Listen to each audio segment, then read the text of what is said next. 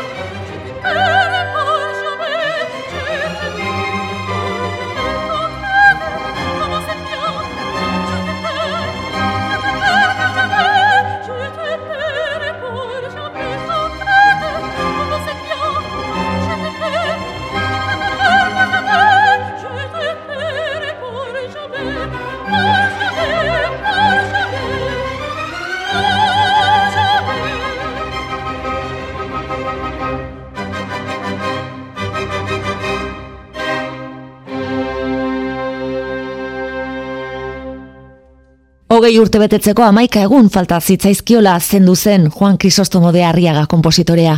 Mozart Euskalduna izenez ezagutzen da eta bere lehen lana biolinerako trio bat amaika urterekin idatzi zuen.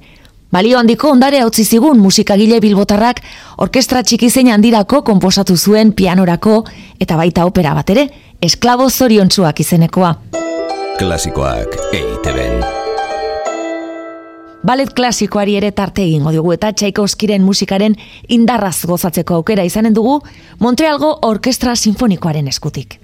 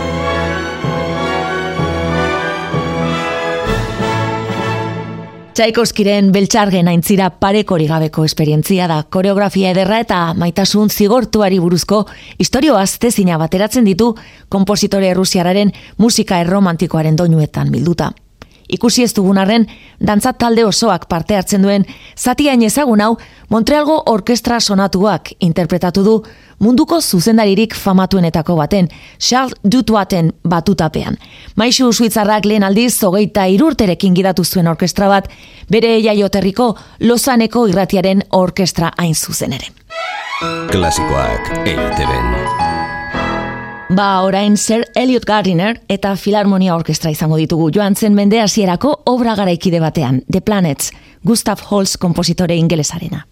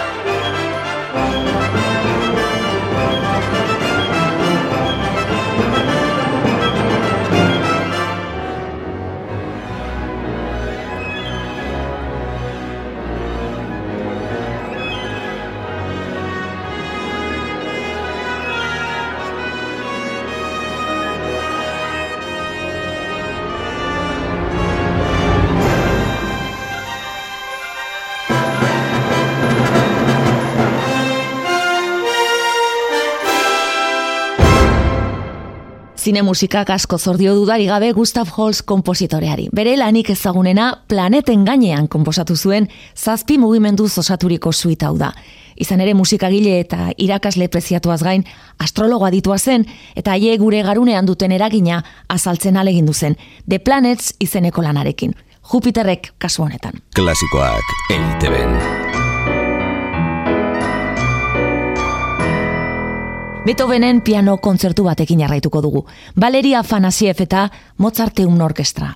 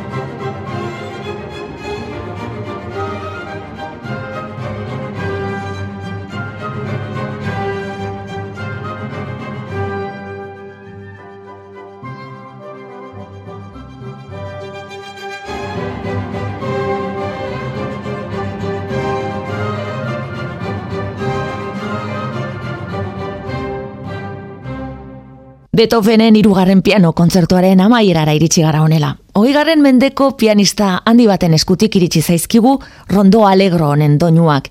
Valeri Afanasiev errusiarra genuen. Moskun mila bederatzirun da berrogeita zazpian jaioa, orkestra zuzendari ere bada, eta idazle famatua. Amaika novela, naiz poesia liburu argitaratuak ditu ingelesez eta frantsesez.